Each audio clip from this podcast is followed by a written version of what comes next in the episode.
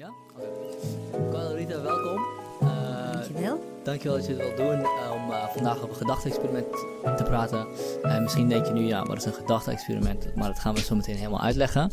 Um, ten eerste vind ik het, is het een van mijn favoriete onder onderwerpen geweest bij filosofie. Omdat gedachte-experimenten een beetje voelen als een soort van puzzels mm -hmm. die je moet oplossen. Je, je wordt gepresenteerd met een situatie die heel raar is.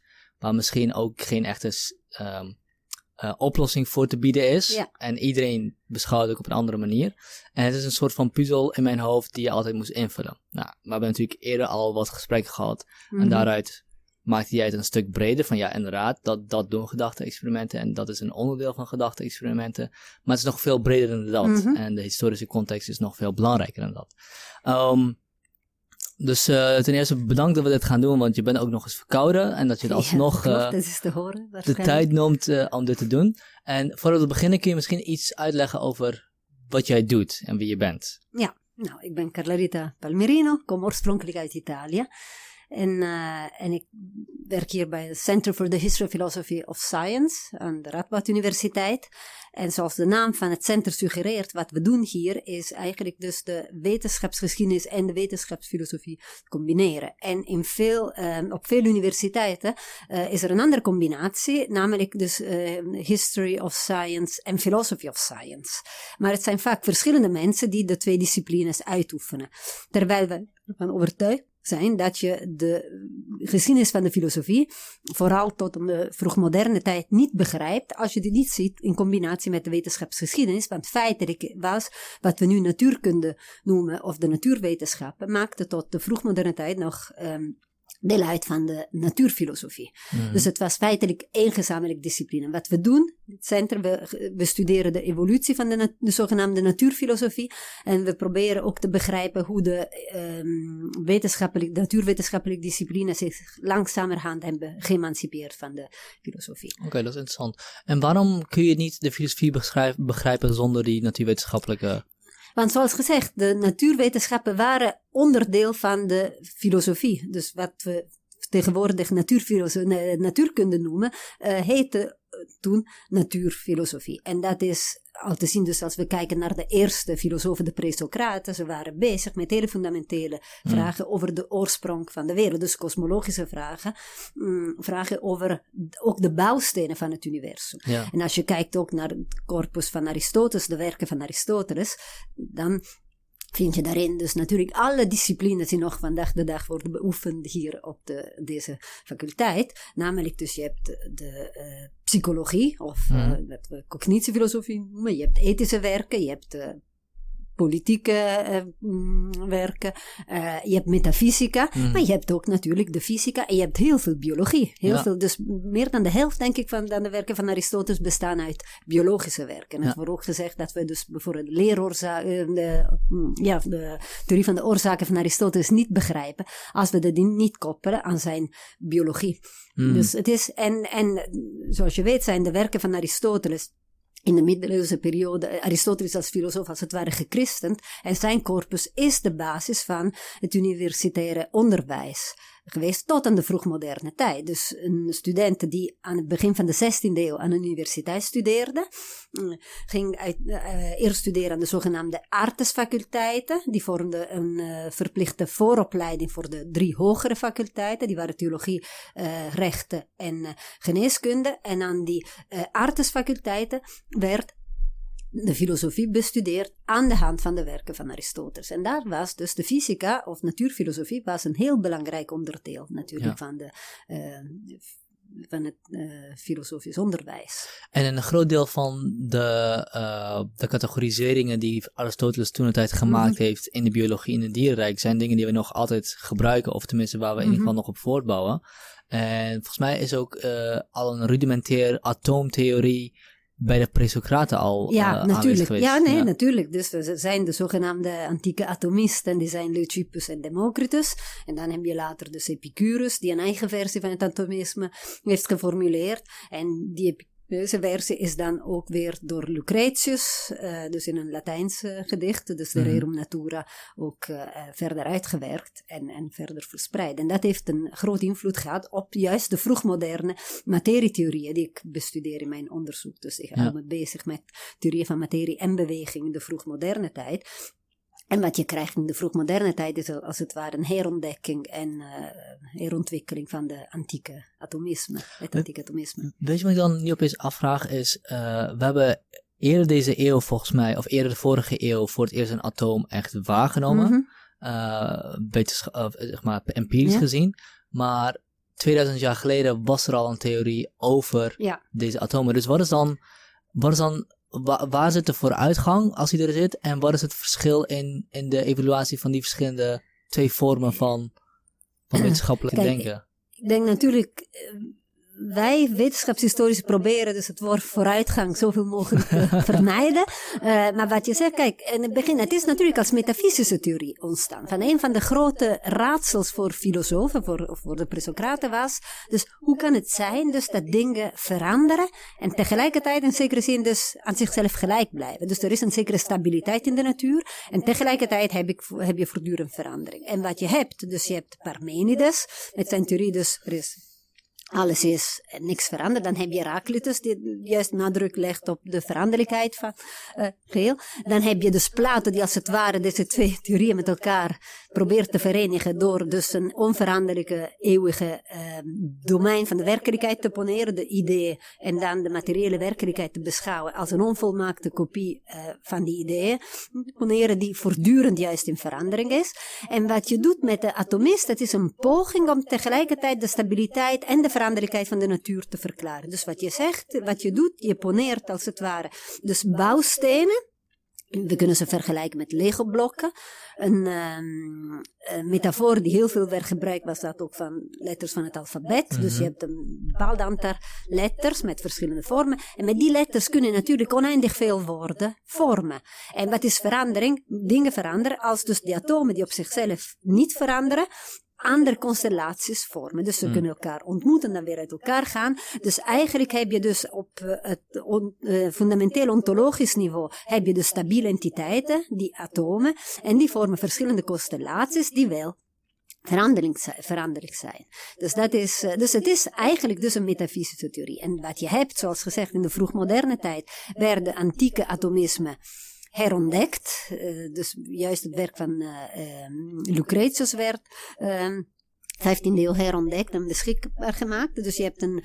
Uh, en, en wat je ziet, dus in de vroegmoderne tijd, um, dat er een hoop is dat. Dus je, je verwees nu net aan het feit dus dat atomen in de de tijd zichtbaar zijn gemaakt. En daar vind je dus in veel van die werken van die vroegmoderne atomisten de hoop dat een keer dus microscopen ons in staat zullen stellen om die atomen te zien. Dus de 16, 17e eeuw is ook de eeuw waarin de uh, optische instrumenten worden ontwikkeld, mm dus telescoop, microscoop. En dat is, dus het punt is, dus met de microscopen kunnen we natuurlijk altijd steeds dieper kijken in de werkelijkheid. En wie weet zullen we vandaag een microscoop maken dat zo krachtig zal zijn dat we daarmee de atomen zullen zien. Bestond die hoop ook al bij de presocraten? Nee, niet. Want, zij, want die konden zich dat niet voorstellen? Nee, nee, ze hadden geen optische instrumenten. Dus het was meer uh, inderdaad een metafysische aanname, dus een hypothese. Ja.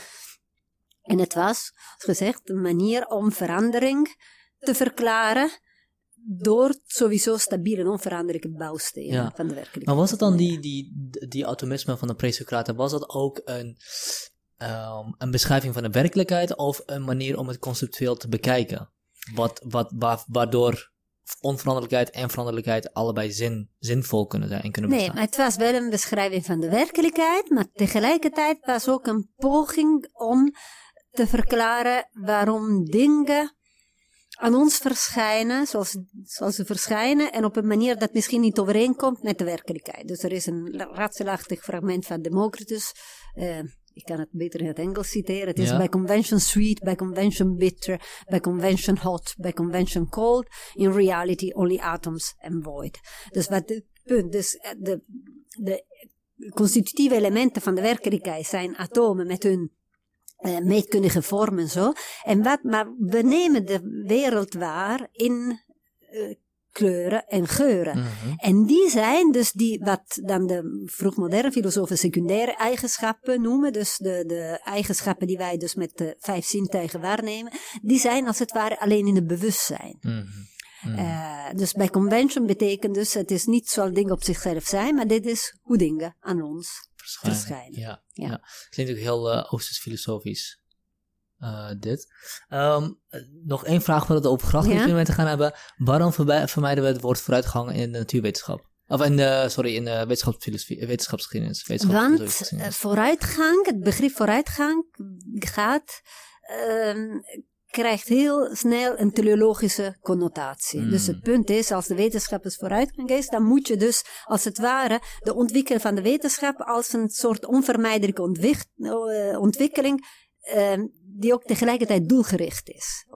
Ehm, en dat is. dus, dus eh, om te voorkomen dat je in een Hege- Hegeliaanse val valt. ja, of, ja, of in een Lamarckiaanse eh, ja, evolutietheorie toepast op de, op Ja. de geschiedenis. Er zijn ook andere termen, Whiggish history. Want ook het risico is dat als je, als je dus de eh, geschiedenis van de wetenschap als vooruitgang beschrijft, dat je alleen, als het ware, de winnaars in je verhaal Ja, betrekt. Ja, ja, ja. Terwijl, en dat is ook iets wat mij fascineert in de wetenschapsgeschiedenis, wat ik ook doe, soms kijken hoe theorieën die voor ons natuurlijk doorbraken zijn geweest in de geschiedenis. Ik, ik hou me veel bezig met, met Galilei, bijvoorbeeld zijn bewegingsleer. Er wordt altijd gezegd, Galilei heeft eh, voor het eerst de wet van de vrije val geformuleerd. Dat klopt, maar het is niet zo dat zo'n wet meteen werd geaccepteerd. Mhm. Want er waren zoveel problemen, die waren gekoppeld aan dus het feit dat, dat dus de wet moeilijk te verifiëren was, maar ook eh, dat... ehm, Galilei eh, zijn wiskundige middelen niet geschikt waren om, eh, eh, als het ware, zo'n wet af te leiden. Je had ook metafysische bezwaren, dus er is een heel interessant debat in de jaren na de dood van Galilei over de geldigheid van zijn ehm, eh, theorie van de, ehm, van de, wet van de vrije val. En juist die debatten kunnen ons heel veel leren over dus de metafysische Ja. en eh, ehm, thema's dus die, die eigenlijk dus een rol speelt in die tijd. En hetzelfde geldt natuurlijk met de theorie van Copernicus, de heliocentrische theorie. Copernicus heeft zijn boek in 1543 gepubliceerd, maar het duurde heel lang voordat dus die theorie eigenlijk serieus werd genomen en, en vooral geïnterpreteerd werd als een beschrijving van de werkelijkheid. In het begin werd die theorie vooral gezien als een hulpmiddel, dus een, een ehm, manier om berekeningen te ehm, vereenvoudigen. Dus niet een echte model van de werkelijkheid, maar vooral een nuttige hypothese die de berekeningen voor de astronomen makkelijker maakte. Dus het is heel interessant om te zien ehm, hoe lang het duurt vaak voordat wij, voordat theorieën die wij als succesvol als het ware bestempelen, min of meer ge- algemeen werden geaccepteerd. Ja, En, eh, Ja, inderdaad. Nee, ik begrijp inderdaad in sommige hertellingen van de geschiedenis van nieuwe theorieën, dat, dat, dat een nieuwe theorie van uh, Galilei is, dat, is, Ja. een groot, is een groot voorbeeld van waarin zijn theorie als een soort van openbaring Ja, wordt beschreven van, oh, die heeft een wa- de Ja. waarheid een stukje verder gebracht. En eh, d- het enige wat er moest gebeuren is dat de mensen die achterbleven of die Ja. te religieus waren, even overtuigd moest worden. En daardoor kon, Mhm. kon de vooruitgang verder gaan en kon de, kon de waarheid meer Ja. boven komen.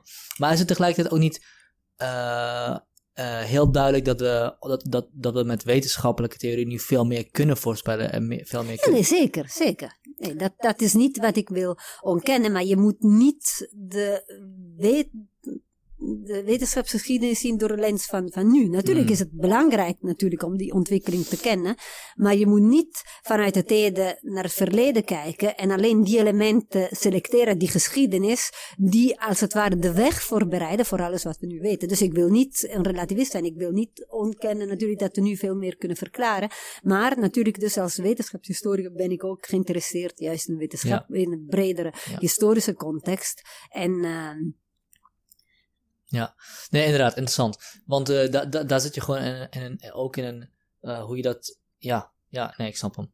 Eh gedachte-experimenten. ja, Wat zijn ze en waarom, waarom, waarom zijn we er zo dol op als, eh, als filosofen? ja d- dat heb je een beetje genoemd. Dus we zijn er dol op omdat gedachte-experimenten tot onze verbeelding spreken. Het zijn vaak leuke verhalen. Maar wat zijn gedachte-experimenten? Dus om te beginnen, eh gedachte-experimenten zijn sinds eigenlijk de klassieke oudheid aanwezig in de geschiedenis van de wetenschap en de filosofie. Uh, we vinden ze overal. Uh, er is een toename in het gebruik van gedachte-experimenten in de vroeg moderne tijd. Maar ze zijn, zoals gezegd al, dus in de antieke tijd werden ze gebruikt door uh, filosofen, natuurfilosofen. Ehm, en wat zijn, maar tegelijkertijd is het begrip gedachte-experiment een vrij recent begrip. Mm. Dus het is voor het eerst eh, rond 1820 gebruikt door een Deense fysicus, natuurkundige, Hans Christian Ørsted. En later in de 19e eeuw, rond 1880 zo uit mijn hoofd, werd de term mm, bekendgemaakt door Mach, uh, dus een, een, fysicus, en heeft uh, dus in een werk heeft hij uh, over de ontwikkeling van de natuurkunde, heeft hij dus die term gebruikt. Mm. Eerst in het Duits en toen is het dus het boek vertaald in het Engels en is het, uh, het woord uh, thought experiment um, geïntroduceerd. Ja, het Engelse woord voor gedachte-experiment. Ja. ja. Uh, en, maar voor Mach, wat was een gedachte-experiment? Hij was een fysicus. Zijn theorie was dat alle echte experimenten eerst al gedachte-experimenten zijn geboren. Dus ieder wetenschapper die dus een uh, experiment bedenkt en zo, moet eerst één keer tenminste het, experiment in zijn hoofd of in haar hoofd uitvoeren. Dus hij was vooral geïnteresseerd in het feit dus dat alle echte experimenten eerst als gedachte-experimenten zijn geboren en vervolgens dus echte experimenten worden. En dus zo is het term ontstaan. En op een zeker moment zijn wetenschapsfilosofen aandacht gaan besteden aan uh, gedachte-experimenten. En het begint vooral in de geschiedenis van de natuurkunde. Mm uh, een beroemde wetenschapsfilosoof die zich bezig heeft gehouden met gedachte-experimenten is Thomas Kuhn. En Thomas Kuhn stelde een zeer interessante vraag in een artikel dat was opgenomen in een boek The Essential Tension, verschenen in de jaren 70, uh, negen, rond 1975, 77. En de vraag die hij stelde was, hoe is het mogelijk dat een experiment dat alleen in ons hoofd wordt uitgevoerd, kennis oplevert over de werkelijkheid. Hmm. Hoe kunnen we iets nieuws leren zonder een experiment daadwerkelijk uit te voeren? En deze vraag is dat ook bekend als Koens paradox en het is de vraag die decennia lang een centrale rol heeft gespeeld in de, natuur, in de literatuur over gedachte-experimenten. Dus het punt is, gedachte-experimenten zijn er om ons iets nieuws te leren over de werkelijkheid. Hoe is dat mogelijk? Maar dit betekent dus dat deze vraag natuurlijk het debat heeft beïnvloed en dat gedachte-experimenten zijn vooral eh, decennia lang beschouwd als vooral heuristische instrumenten. Instrumenten die inderdaad ingezet worden om iets nieuws te ontdekken. Maar nu even terug naar de vraag, dus dit is meer het debat, naar de vraag, wat is een gedachte-experiment? En wat interessant is aan dat debat en die literatuur, dat veel auteurs zeggen, ja, we weten niet precies wat een gedachte-experiment is, maar je herkent een gedachte-experiment als je het ziet. Ja. Wat natuurlijk niet een heel toereikend antwoord is. Dus we moeten proberen om een definitie te geven van gedachte-experimenten. En er zijn pogingen geweest. En um, een definitie die ik interessant vind is als, als volgt. Dus proberen om uh, eigenlijk eigenschappen te, uh, uh, aan te wijzen die gemeenschappelijk zijn aan alle gedachte-experimenten. Dus wat is een gedachte-experiment? Een gedachte-experiment is om te beginnen tegen feiten, contrafactueel. Dus het mm. begint met stel je voor. Oké? Maar niet alle stel je voor vragen leiden tot een gedachte-experiment. Als we kijken naar uh, bijvoorbeeld de meetkunde, uh, wat je vaak hebt is, dus stel je voor, je hebt twee lijnen, parallele lijnen. Stel je voor dat die twee lijnen elkaar ontmoeten. Dus dat is ook tegenfeitelijk, maar dat is niet een gedachte-experiment. Anders zou de hele meetkunde gereduceerd worden tot een gedachte-experiment. Dus ze moeten tegenfeitelijk zijn, ze moeten ook andere eigenschappen hebben. En de tweede is, dat heb je al genoemd, is dus ze moeten vaak, dus ze, ze zijn concrete scenario's, ze zijn verhaaltjes, oké? Okay? Mm -hmm. Er is altijd een verhaallijn. Uh, en dat is ook te zien aan het feit dat we gedachte-experimenten vaak uh, uh, aanduiden met de naam van auteur en hoofdpersoon. Dus het wordt gezegd Maxwell's Demon of uh, oh, ja, ja. Uh, Einstein's Elevator of Galileo's Falling Bodies. Dus we weten wie de auteur is en we verwijzen naar hoofdonderwerpen of Ja. hoofdpersoon. Mary the Color Scientist. Ja. Of eh, ja, er zijn er zoveel die we kunnen benoemen. Schrödinger's kat. En vaak Searle's Chinese Room. En vaak weten we niet precies wat ze inhouden, maar de namen klinken bekend in de Mhm. horen. Dus ze gaan als het ware een eigen leven le- leiden. Het zijn zoals, ja, verhaaltjes. Het Ja. zijn fictie. Ja, vooral Maar- Schrödinger's kat is natuurlijk heel beroemd. Ja, en dan zeg je ook, oké, maar dan, als we dat eh, zo zeggen, dan zouden we kunnen zeggen dat ook ehm, ieder roman of een, film en zo als gedachte-experiment telt. Het zijn natuurlijk imaginaire verhalen, ze zijn contrafactueel.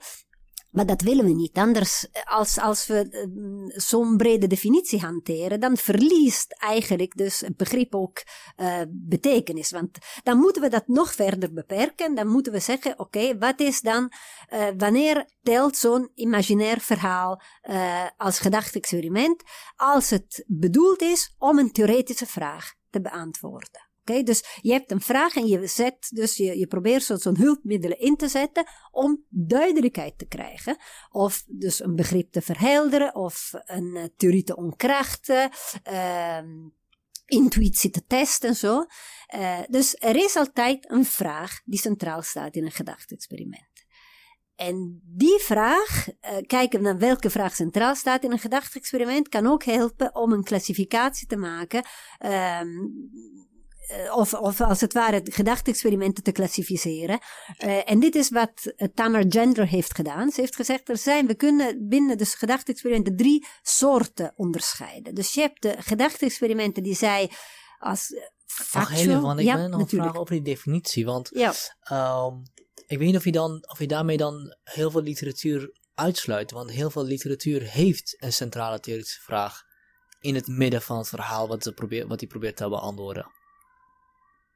Kun je daar een voorbeeld van geven? Ja, dat is een goede vraag. Want ehm, nou, heel veel bijbelse verhalen bijvoorbeeld zijn verhalen met de vraag hoe moet je leven bijvoorbeeld. Of hoe moet je in een bepaalde situatie handelen. Ehm, sommige literatuur van Tolstoy heeft misschien ook de vraag hoe, Ja. hoe leef je in een, in, een, eh, in een wereld zonder God bijvoorbeeld. Ja, nee, maar dat is inderdaad, dit is ook een debat die je nu hebt bijvoorbeeld over filosofisch vermogen van films. En Mhm. het is dus een van de vragen die worden gesteld, is kunnen films worden gezien als dus filosofische ehm, eh, werken. Dus kunnen films als het ware een zelfstandig bijdrage leveren aan het filosofisch debat. En een van de theorieën is dat je dat kunt zeggen als je films beschouwt als een gedachte-experiment. Ja. Maar het punt is dus, zijn filmscenario's ehm die je kunt gebruiken om als het ware te reflecteren? Of leveren films als het ware een eigen antwoord op? Want vaak, dus mensen die een gedachte-experiment bedenken, willen als het ware een intuïtie opwekken. Dus Mhm. degene die een gedachte-experiment beschrijft, heeft vaak ook een antwoord al in gedachten. Mhm. En terwijl eh, films zijn vaak, je kunt ze ook zien als food for thought, die een, die een debat kunnen stimuleren, ook een filosofisch debat, eh, zonder dat de auteur per se al dus het debat in een bepaalde richting wil sturen. Maar dit is inderdaad een interessante vraag. En Ja. ik moest, eh, vorig jaar heb ik een eh, eh, boekbespreking geschreven van een Routledge Companion to Thought Experiments. Het is zo'n dik boek met heel veel bijdragen.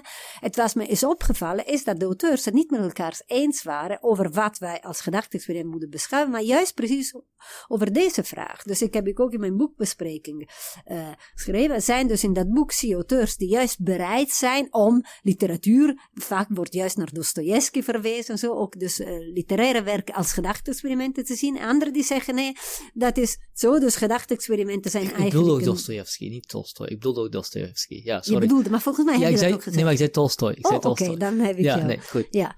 Ehm, en anderen die juist zeggen, nee, dus niet alle werken van fictie moeten worden beschouwd als gedachte-experimenten, juist voor die reden. Dus ik heb gezegd, er moet echt een expliciete theoretische vraag worden gekoppeld aan Ja. gedachte-experiment. Dus die vraag was niet, moet niet alleen ehm, aanwezig zijn, maar moet ook expliciet, Expliciet zijn, ja, inderdaad. Nee, ik denk ook zeker dat je sowieso niet alle literatuur of alle films daarin kan onderscharen. En als je niet elke traktaat kan beschouwen als filosofie. Eh, de vraag is eerder, kan een filosofie, of kan een, Ja. eh, eh, een, een, een eh, theaterwerk, kan een film, kan die, ja, kan, kan die in, in, in iets toevoegen aan het filosofisch debat? Nee, zeker. En dat Ja. zal ik ook niet Ja. ontkennen.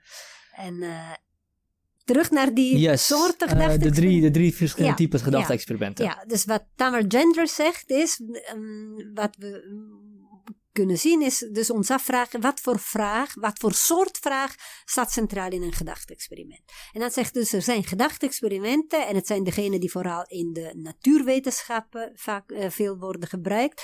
eh, waarin dus een imaginair scenario wordt beschreven. En dan is de vraag, wat denk je dat er hier zal gebeuren? Dus dat zijn meer de ehm, feitelijke of Mhm. descriptieve gedachte-experimenten. Mhm.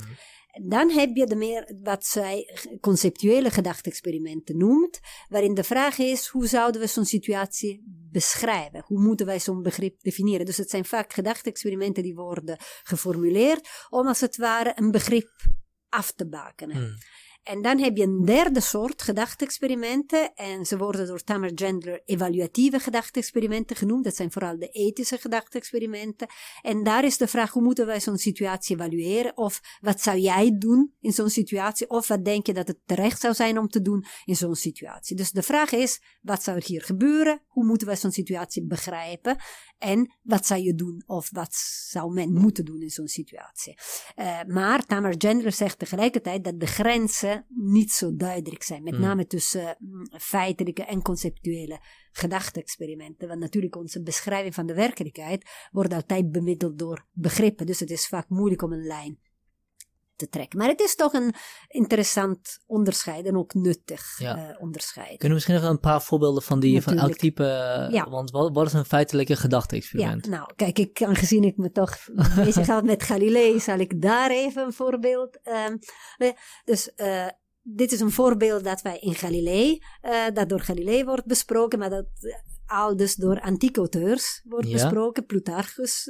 Een mm, Griekse auteur. Dus, en het, is, het scenario is als volgt. Stel, dus je hebt de aarde. Stel dat je een tunnel zou kunnen graven die door het centrum van de aarde zou lopen. En stel dat je een bal in die tunnel zou laten vallen. Wat zou er met die bal gebeuren? Zou die bal in het centrum van de aarde tot stilstand komen? Zou de bal voor een tijd op en neer reizen om uiteindelijk wel tot rust te komen? Of zou de bal eeuwig dus op en neer eh, gaan? Of en dit is het is- ook mogelijk dat hij gelanceerd wordt?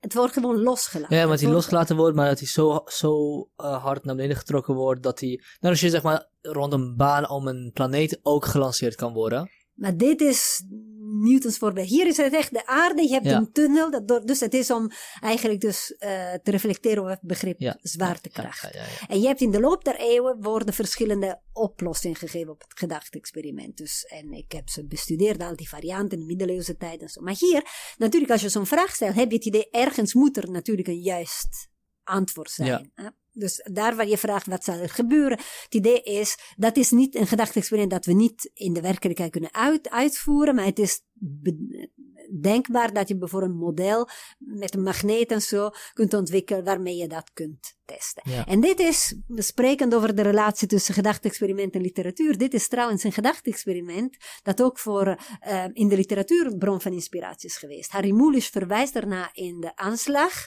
En eh, je hebt een soort variant daarvan in Alice in Wonderland. Dus soms zijn het ook, Mm. dus soms ehm, halen dus filosofen en natuurwetenschappers inspiratie uit de literatuur. Maar soms is het ook andersom. Andersom, dus hier ja. is de vraag, wat gaat er met de bal gebeuren? Dus hoe gaat de bal zich gedragen in die Of in Galilei heb je ook andere soorten eh, gedachte-experimenten. ehm, wat zou er gebeuren? Bijvoorbeeld, je hebt een schip. Een schip vaart op een eh, zee en je laat een bal vallen vanuit de top van de mast van het schip. Waar gaat de bal landen? En, en Galilei dacht, ja, het gaat landen aan voet van de mast, maar een Aristotelicus in die tijd zei, nee, ik moet achterblijven. Dus Ja. terwijl het schip vaart, zal dus de bal achterblijven. En je ziet ook, hier is ook de Eh, vraag... maar dat, dat, dat, dat weten we volgens mij toch? Dat weten wij, ja natuurlijk, dat weten wij ook in het eerste geval, Ja. weten wij het. Maar, dus, maar hier wat interessant is, dus het zijn twee gedachte-experimenten, de vraag is, wat gaat er gebeuren? Maar het eerste gedachte-experiment, zoals gezegd, is niet uitvoerbaar.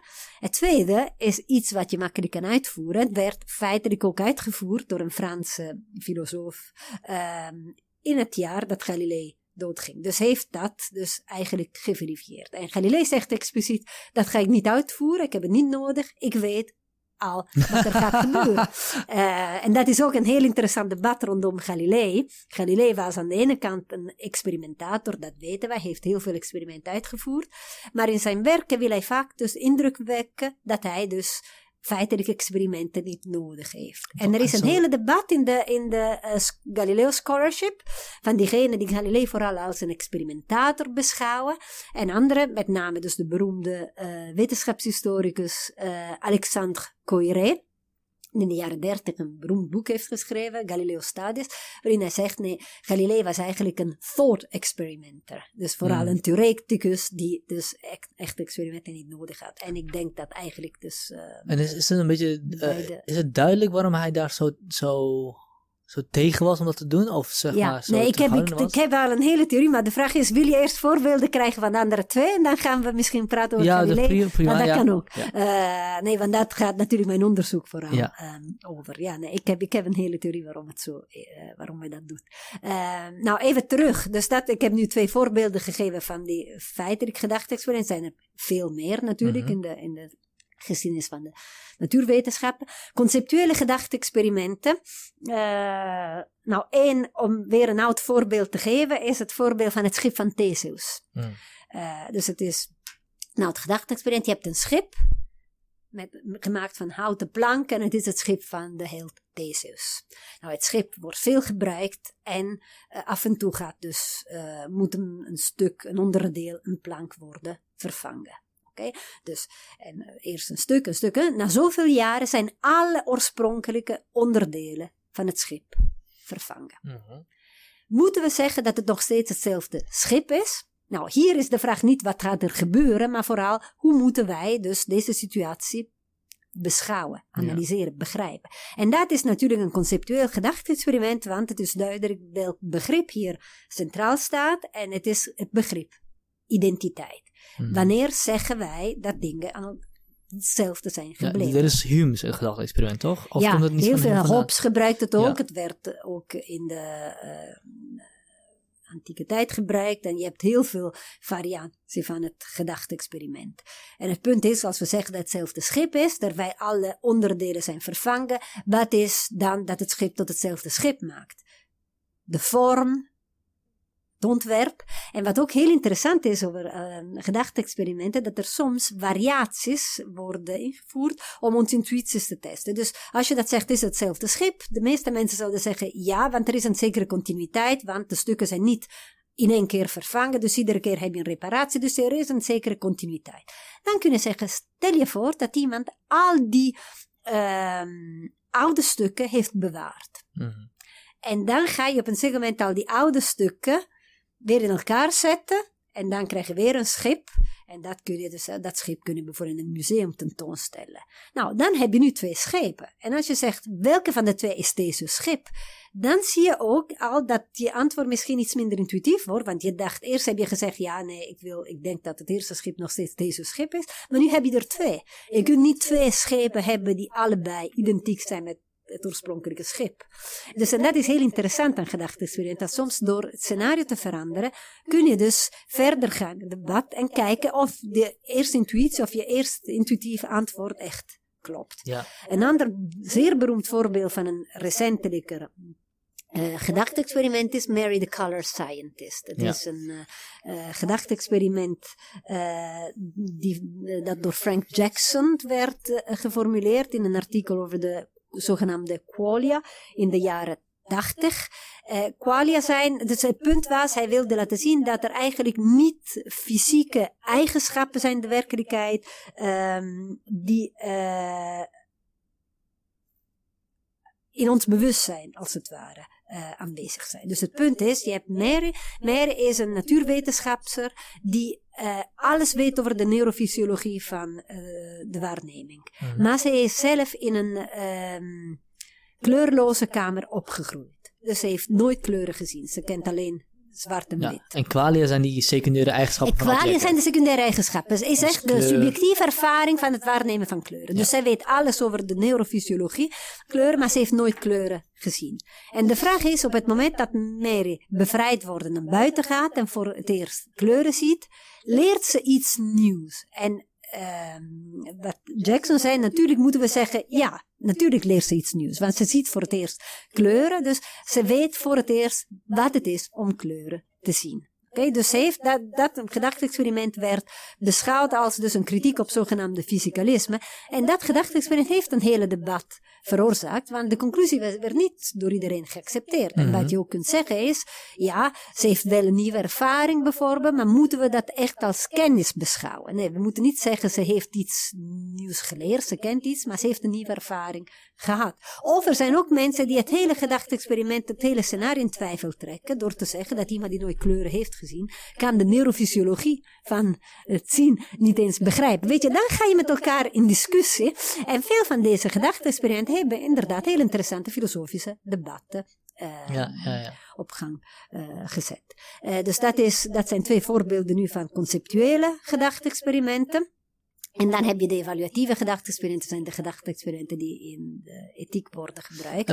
Voordat ja. we daarover gaan, uh, is Schrödinger's kat, is dat dan, dan een feitelijke of een nou, conceptuele? dit is een ontzettend goede vraag. Ja, dit is juist een moment waarin je ziet eigenlijk hoe... Misschien voor de mensen die het niet kennen, Schrödinger's kat is, wat, volgens mij wat hij zei was, als er een kat in een doos zit, zit voordat we de doos open hebben gemaakt is die kat zowel dood als levend. Of we kunnen niet weten of die dood of levend is. ja, het is een gedachte-experiment dat bedacht werd om eigenlijk de paradoxale implicaties van de Kopenhagen-interpretatie van de kwantummechanica uh, bloot te leggen. Dus, Zullen we dat even uitleggen?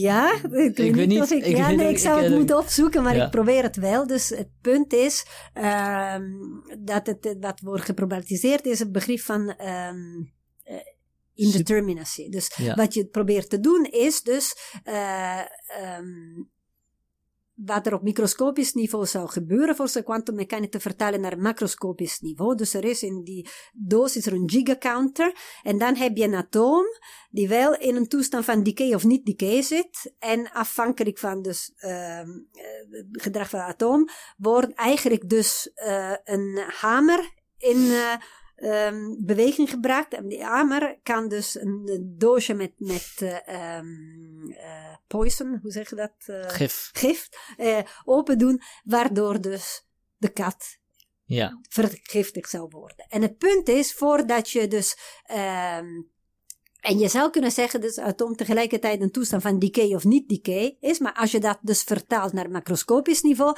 dan zou je moeten zeggen ook dus dat het doosje met gift open of niet open is. En dat betekent dus dat de kat tegelijkertijd levend of dood moet zijn. Ja. Dus uh, ik hoop dat het min of meer Ja, klopt. want het heeft te maken met het feit dat in de kwantummechanica uh, uh, iets pas specifiek het een of het andere is. Op het moment dat het wordt, dat het wordt natuurlijk waargenomen. En op het moment dat je de doos open doet, dan is het dus, dan bepaalt je observatie natuurlijk wat, wat de toestand is. En dan is de kat of dood of levend. Hmm. Maar paradox is dat het ondenkbaar is dat de kat, zonder dat we de kat observeren dat de kat tegelijkertijd dood of niet dood zou zijn. Zo, dus zoals gezegd, het wordt dus een paradox.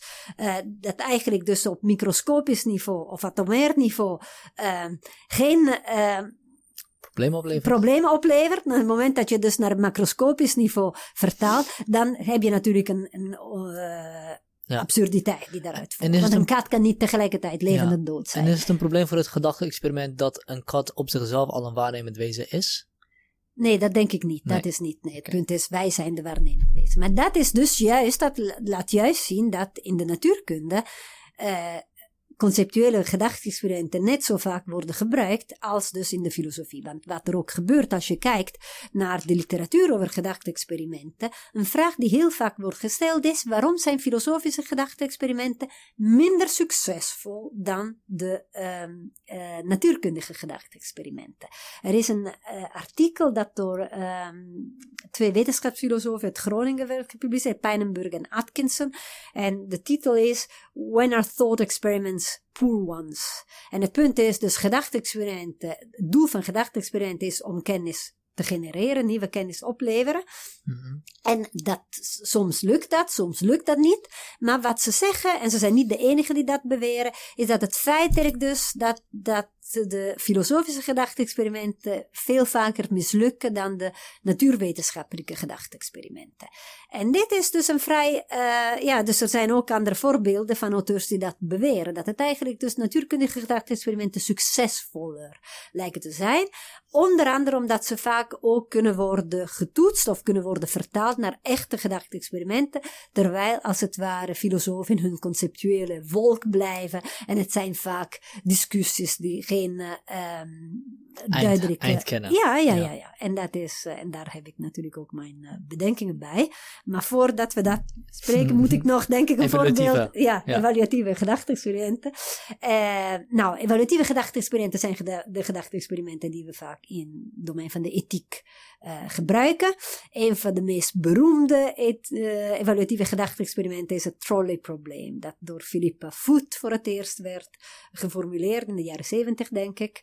Um, je kent het, denk ja. ja. Ja, stel je voor, je staat bij een spoorweg en de sp spoor gaat twee kanten op en er komt een, uh, een niet een busje, maar een, een treintje aan. Ja. En je ziet aan de ene kant zie je kinderen een kind spelen en aan de andere kant zie je vijf mannen werken. En wat, ja. wat, ga je doen, en wat ga je doen? Ga je de hendel overhalen zodat het rechts gaat, of ga je dan overhalen zodat hij links afgaat? Ja, dat is al, dus je hebt het al een beetje aangepast. aangepast. Okay. En dat is interessant. Dat wat, dit is wat we de hele tijd doen met deze evaluatieve gedachte-experimenten. In de oorspronkelijke formulering is het zo, als je niks doet, gaat dus de tram vijf mannen die aan het werken zijn en die de trein niet zien aankomen, die, ga je, die gaan dood. Als je ja. niks doet, als je niet ingrijpt. Ja. En dan heb je inderdaad, wat je kunt doen, is door een handel te en zo, kun je ervoor zorgen dat de trein afbuigt naar een ander spoor, maar daar je hebt nu een kind daar gezet en daar introduceer je al dus een ander element. In de oorspronkelijke eerste formulering zijn het vijf mannen versus één man. Je weet okay. niks over uh, leeftijd en zo. Dus, en als je dus natuurlijk utilitaristisch redeneert, dan zeg je ja, het is natuurlijk beter om één mens te, te laten doodgaan ja. om en vier leven te sparen. Ja. Uh, maar het punt is, om dat te doen moet je ingrijpen. Wat je moet doen is inderdaad een handel. Uh, ja. Een handeling uh, doen. Maar de meeste mensen, hier is de intuïtie van de meeste mensen, ja, je moet het toch doen, want natuurlijk, het is beter dus om ja. één man, liever dan vijf mannen dood te laten gaan. Maar dan kunnen we het scenario ook aanpassen. Er zijn heel veel grappige, grappige, gruwelijke, maar wel uh, varianten bedacht. Dat is een dunne lijn, hè? het is zo grappig en gruwelijk. Ja, uh, en het, het, ene is de um, gedachtesprint van de, de Fat Man. Ja. Dus je staat dus op een brug. Verder is het scenario hetzelfde, maar wat je kunt doen is dus um, Nee, dus je hebt een trein op een spoor en er zijn vijf uh, mensen die vijf zitten op het spoor. Ze kunnen niet ontsnappen. Dus ja. en als je niks doet, dan gaat de trein die vijf mensen doden. Uh, je zit op een brug, er is een hele dikke man. En wat je kunt doen is de dikke man voor de trein duwen. En je weet dus de man is zo dik, dik dat hij de trein zal, zal stoppen. stoppen. ja. Nou, maar de intuïtie van de meeste mensen is hier, nee, natuurlijk moet je dat niet doen. Want dat voelt echt als actief ingrijpen en iemand doden. Weet je, een man van een brug duwen, iedereen denk ik, bijna iedereen zal zeggen, dat moet je niet doen. Mhm. En dan is de vraag, en dat is een interessante vraag, maar wat is echt het verschil tussen de twee situaties? En dan kun je het ook vergelijken met andere situaties. Bijvoorbeeld, uh, je hebt vijf mensen in het ziekenhuis die uh, um, een uh, orgaan nodig hebben, anders gaan ze dood. Is het rechtvaardig om een gezond iemand te doden, zodat je die organen kunt gebruiken om de leven, het leven van vijf mensen te redden. En natuurlijk zal ieder arts zeggen, nee, dat mogen wij niet doen. Je mag Ja. niet een willekeurige gezonde man uh, of vrouw doden. Om, en, en het is weer één leven tegenover vijf. Maar Ja. dan is het De- natuurlijk het antwoord als een arts dat zou doen, zou Zoals dat ik ken zit in eh, deze scenario de, de patiënt in een coma. En je weet niet of die wakker wordt of niet.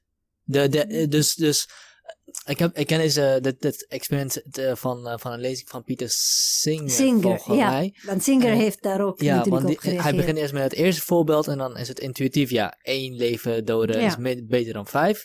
En dan het tweede onderdeel komt een heel andere intuïtie naar boven, van dan moet je, dan is het niet alleen maar kiezen tussen één of vijf, maar daadwerkelijk zelf een moord plegen, voelt het dan. Ja, en dan geeft hij in het derde voorbeeld, zegt hij, nou, nu zit je, nu ben je een, do- eh, een dokter en er komen net vijf Ja. mensen binnen die geraakt zijn door een trein.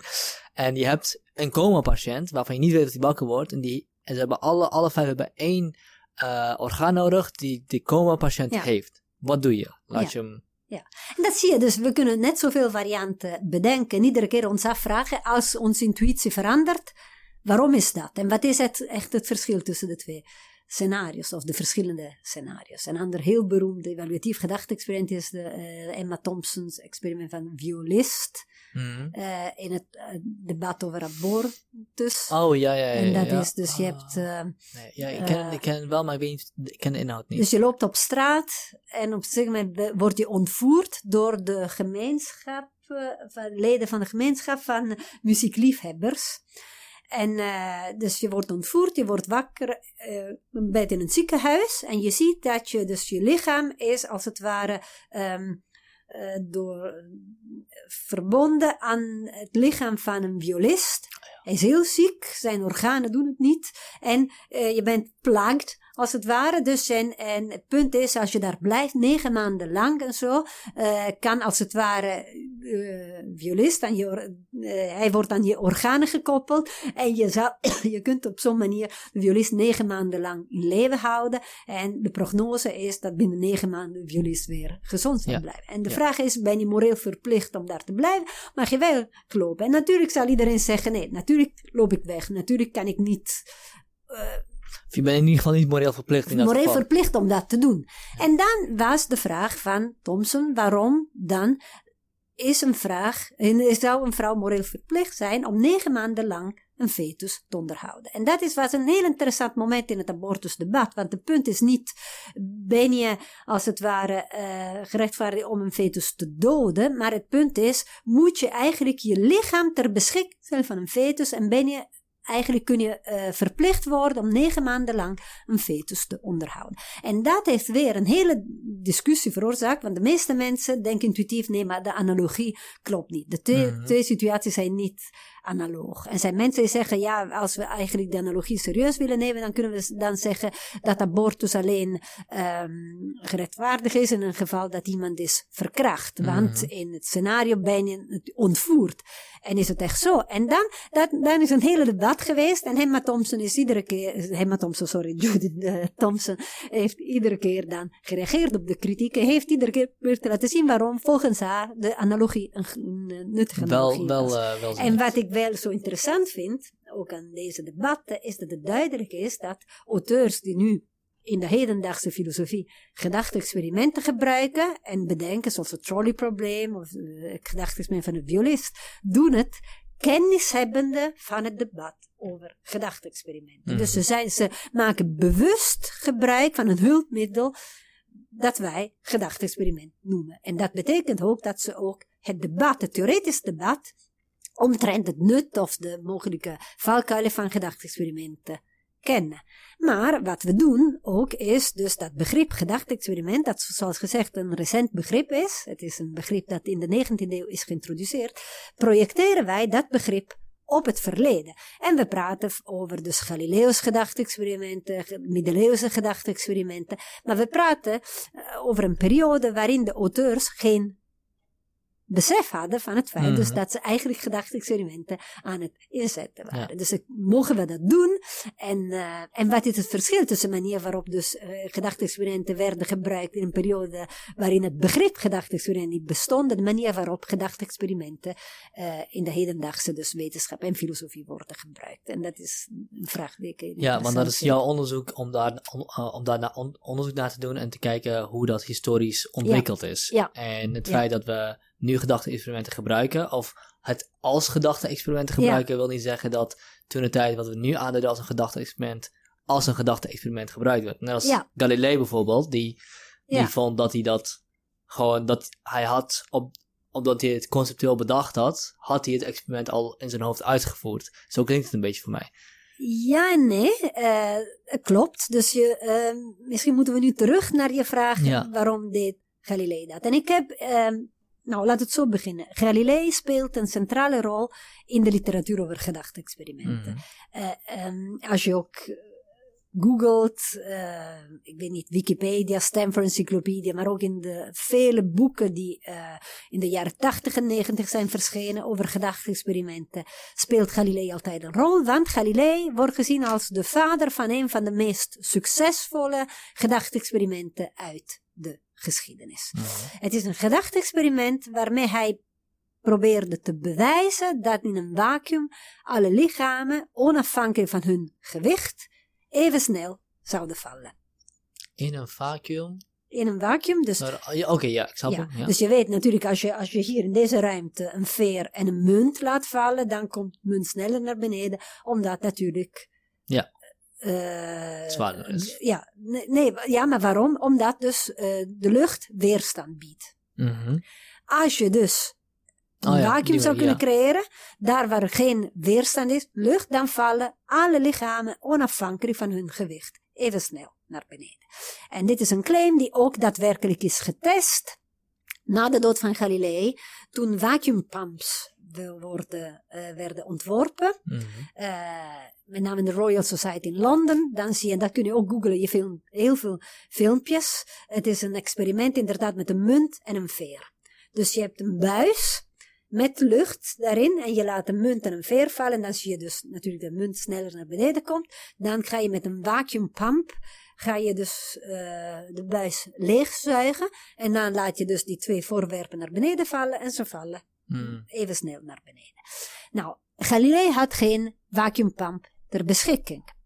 Oké, Dus hij uh, kwam tot deze conclusie door middel van gedachte-experimenten. En daarvan was om te zeggen, kijk, als je dus, je hebt twee voorwerpen en je laat ze dus in het, uh, die allebei uh, uh, naar beneden zinken in water en je laat, ene, het ene is veel zwaarder dan het andere, je laat ze dus in water vallen en je ziet dat het verschil in snelheid groot is. Je laat precies dezelfde twee uh, voorwerpen in de lucht vallen en je ziet nog steeds dat het zwaarder van de twee sneller naar beneden komt, maar het verschil in snelheid is minder dan in water. Dus daar waar de weerstand van een medium minder wordt, wordt ook het verschil in snelheid minder. Je kunt extrapoleren en zeggen dat in een vacuüm zullen de twee voorwerpen even hmm. snel vallen. Dat is één.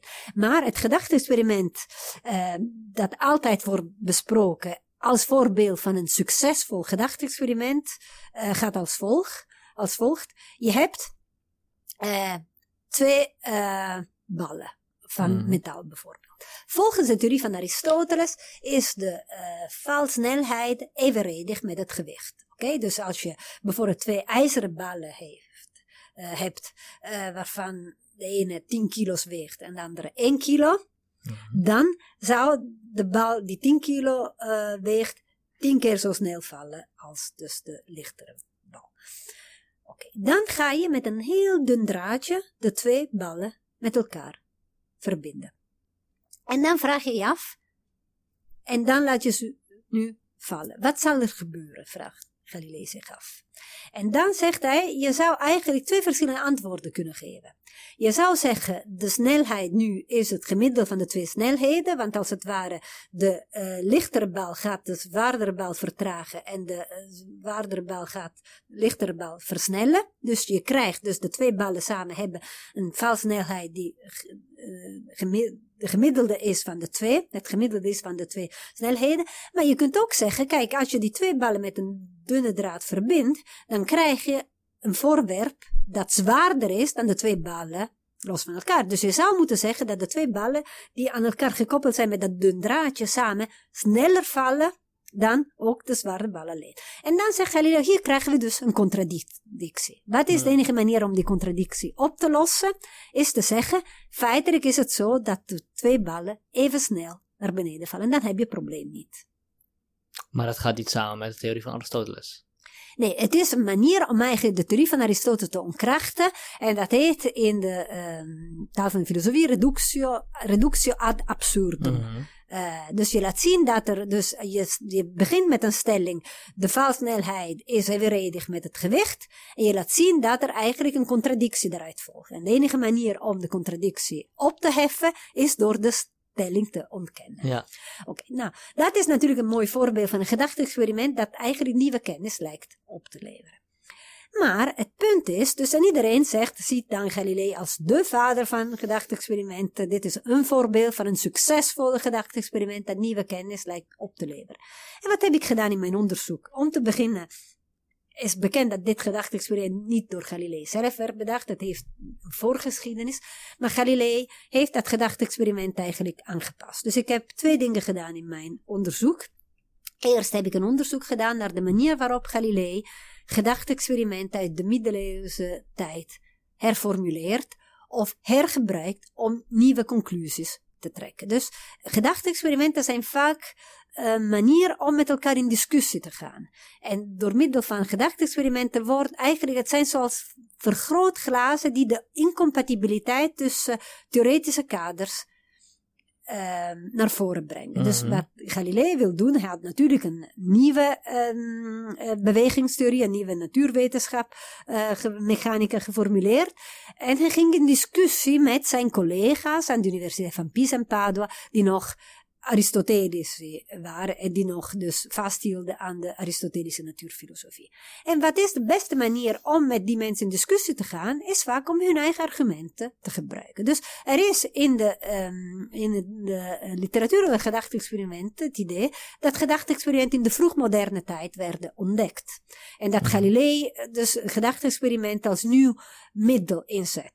Dus wat ik heb laten zien is dat veel van de Galileaanse gedachte-experimenten eigenlijk uit een eerdere traditie komen. En Galilei gebruikt die gedachte-experimenten om zich te positioneren in het debat en om te laten zien dat hij eigenlijk andere conclusies trekt uit dezelfde gedachte-experimenten, juist omdat hij vanuit een nieuwe theoretische kader redeneert.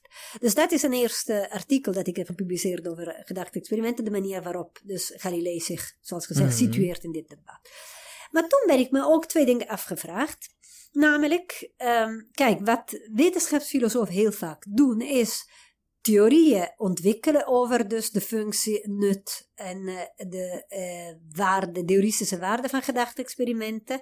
En dan, ze gaan dus die theorieën testen door ze los te laten op gedachte-experimenten uit de geschiedenis. Dus als het ware, historische mm gedachte-experimenten worden door wetenschapsfilosofen vaak als ruw materiaal gebruikt om theorieën te ontwikkelen. Maar en met ruw materiaal bedoel je ook gedeconstructeerd? Soms ook. Dit is precies wat ik bedoel. Dus het gedachteexperiment van Galilei wordt als een voorbeeld gezien van een succesvol gedachte-experiment. En dan wordt gezegd, laat eens kijken wat Galilei hier doet. Waarom is dit gedachte-experiment succesvol? En wat zijn de karakteristieken zo? En wat zijn de eigenschappen van een goed gedachte-experiment? En wat ik zeg als wetenschapshistorica, om te beginnen, we moeten natuurlijk die gedachte-experimenten in een context zien. Maar het tweede punt is, als Galilei zoiets gebruikt, als dus wat wij nu gedachte-experimenten noemen, voor hem waren het imaginaire scenario's, dan doet hij dat met een reden. En vaak kunnen wij dus uit de werken van Galilei ook eigenlijk een wetenschapsfilosofie distilleren. Dus we kunnen door dus Galileis analyse van gedachte-experimenten te analyseren, kunnen we begrijpen welke functie hij toekende aan gedachte-experimenten. Dus het zijn niet meer de wetenschapsfilosofen die eigenlijk dus gedachte-experimenten verleden gebruiken om theorieën te ontwikkelen over het nut eh, of uh, de gevaren van gedachte-experimenten, maar wat we moeten begrijpen is waarom gebruikte Galilei gedachte-experimenten, wat wilde hij daarmee bereiken. Wat was dus zijn wetenschapsfilosofie? En wat ook interessant is, is dat Galilei uh, veel werken schreef. Dus de, de, de twee beroemdste werken van Galilei zijn geschreven in de vorm van dialogen. Uh, het zijn ook heel mooi om te lezen. Dus het zijn echt mooie werken om te lezen. Dus het zijn dialogen tussen drie personages. Je hebt iemand die Galilei zelf vertegenwoordigt, iemand die de Aristotelische traditie vertegenwoordigt, en dan een derde die een beetje scheidsrechter speelt. Wat Galilei doet, hij laat deze personages imaginaire scenario's bespreken. En heel vaak komen ze er niet uit. Dus ze hebben verschillende intuïties. Hmm. Nou, volgens, uh, ik heb vroeger verwezen naar dat artikel van Pijnenburg en Atkinson, When Are Thought Experiments Poor Ones? En wat ze zeggen is, gedachte-experimenten zijn slechte gedachte-experimenten of niet succesvol, als ze verschillende intuïtie opwekken bij verschillende mensen. Dus als je kijkt, Galileo wordt gezien als de vader van de het mooiste gedachte-experiment uit de geschiedenis, het meest succesvol gedachte-experiment uit de geschiedenis. De meeste gedachte-experimenten in de werken van Galilei zouden met die criteria als slechte gedachte-experimenten moeten worden beschouwd. Dus hij laat de personages imaginaire scenario's bespreken en vaak hebben ze verschillende intuïties. Soms ook niet. Soms zijn het ook met elkaar eens en dan proberen ze te begrijpen hoe het komt dat ze het met elkaar eens zijn, terwijl ze dus uit verschillende Mhm. theoretische kaders redeneren. Maar in de meeste gevallen zijn het niet met elkaar eens.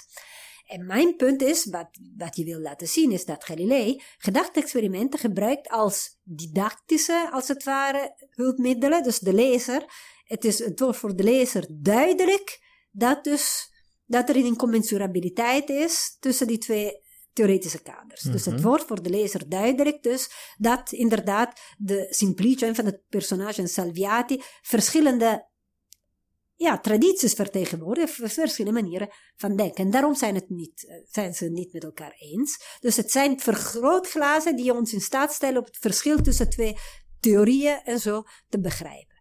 Maar wat Galilei ons ook wil zeggen is, de manier waarop wij gedachte-experimenten analyseren, wordt bepaald door onze aannames, door onze uh, uh, achtergrondkennis.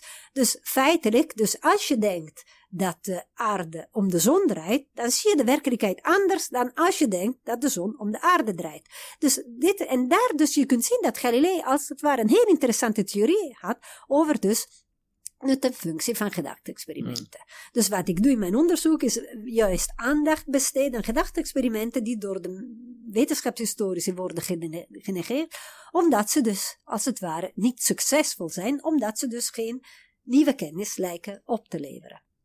Ja, interessant. En um, wat kunnen we uit die mislukte uh, gedachte-experimenten dan nog meer leren? Bijvoorbeeld? Nou, wat ik heb gezegd, voor een deel, dus de, je le inderdaad, dat, dat, je, dat onze intuïties worden bepaald door onze achtergrond ja. aannames. En, uh, en is, is het dan ook, was het ook de bedoeling van, oh, expliciet de bedoeling van Galilei om dat, om dat voor te brengen, of was het de bedoeling om, ja, nee, of om de incommensurabiliteit van bepaalde theorieën te laten zien, maar dat, dat ook natuurlijk. Ja, maar wat je, je stelde nu een vraag, het is interessant, ik denk er nu voor het eerst over na, dus het, wat dit ons kan leren is ook dat het niet terecht is om te beweren, zoals veel wetenschapsfilosofen beweren, dat gedachte-experimenten in de natuurkunde succesvoller zijn dan gedachte-experimenten in de filosofie. Mm. Bijvoorbeeld, gedachte-experiment van Mary, the color scientist, wordt in dat artikel When Our Thought Experiments Poor Ones bestempeld, geïdentificeerd als een slecht gedachte-experiment, omdat het geen duidelijke uitkomst biedt.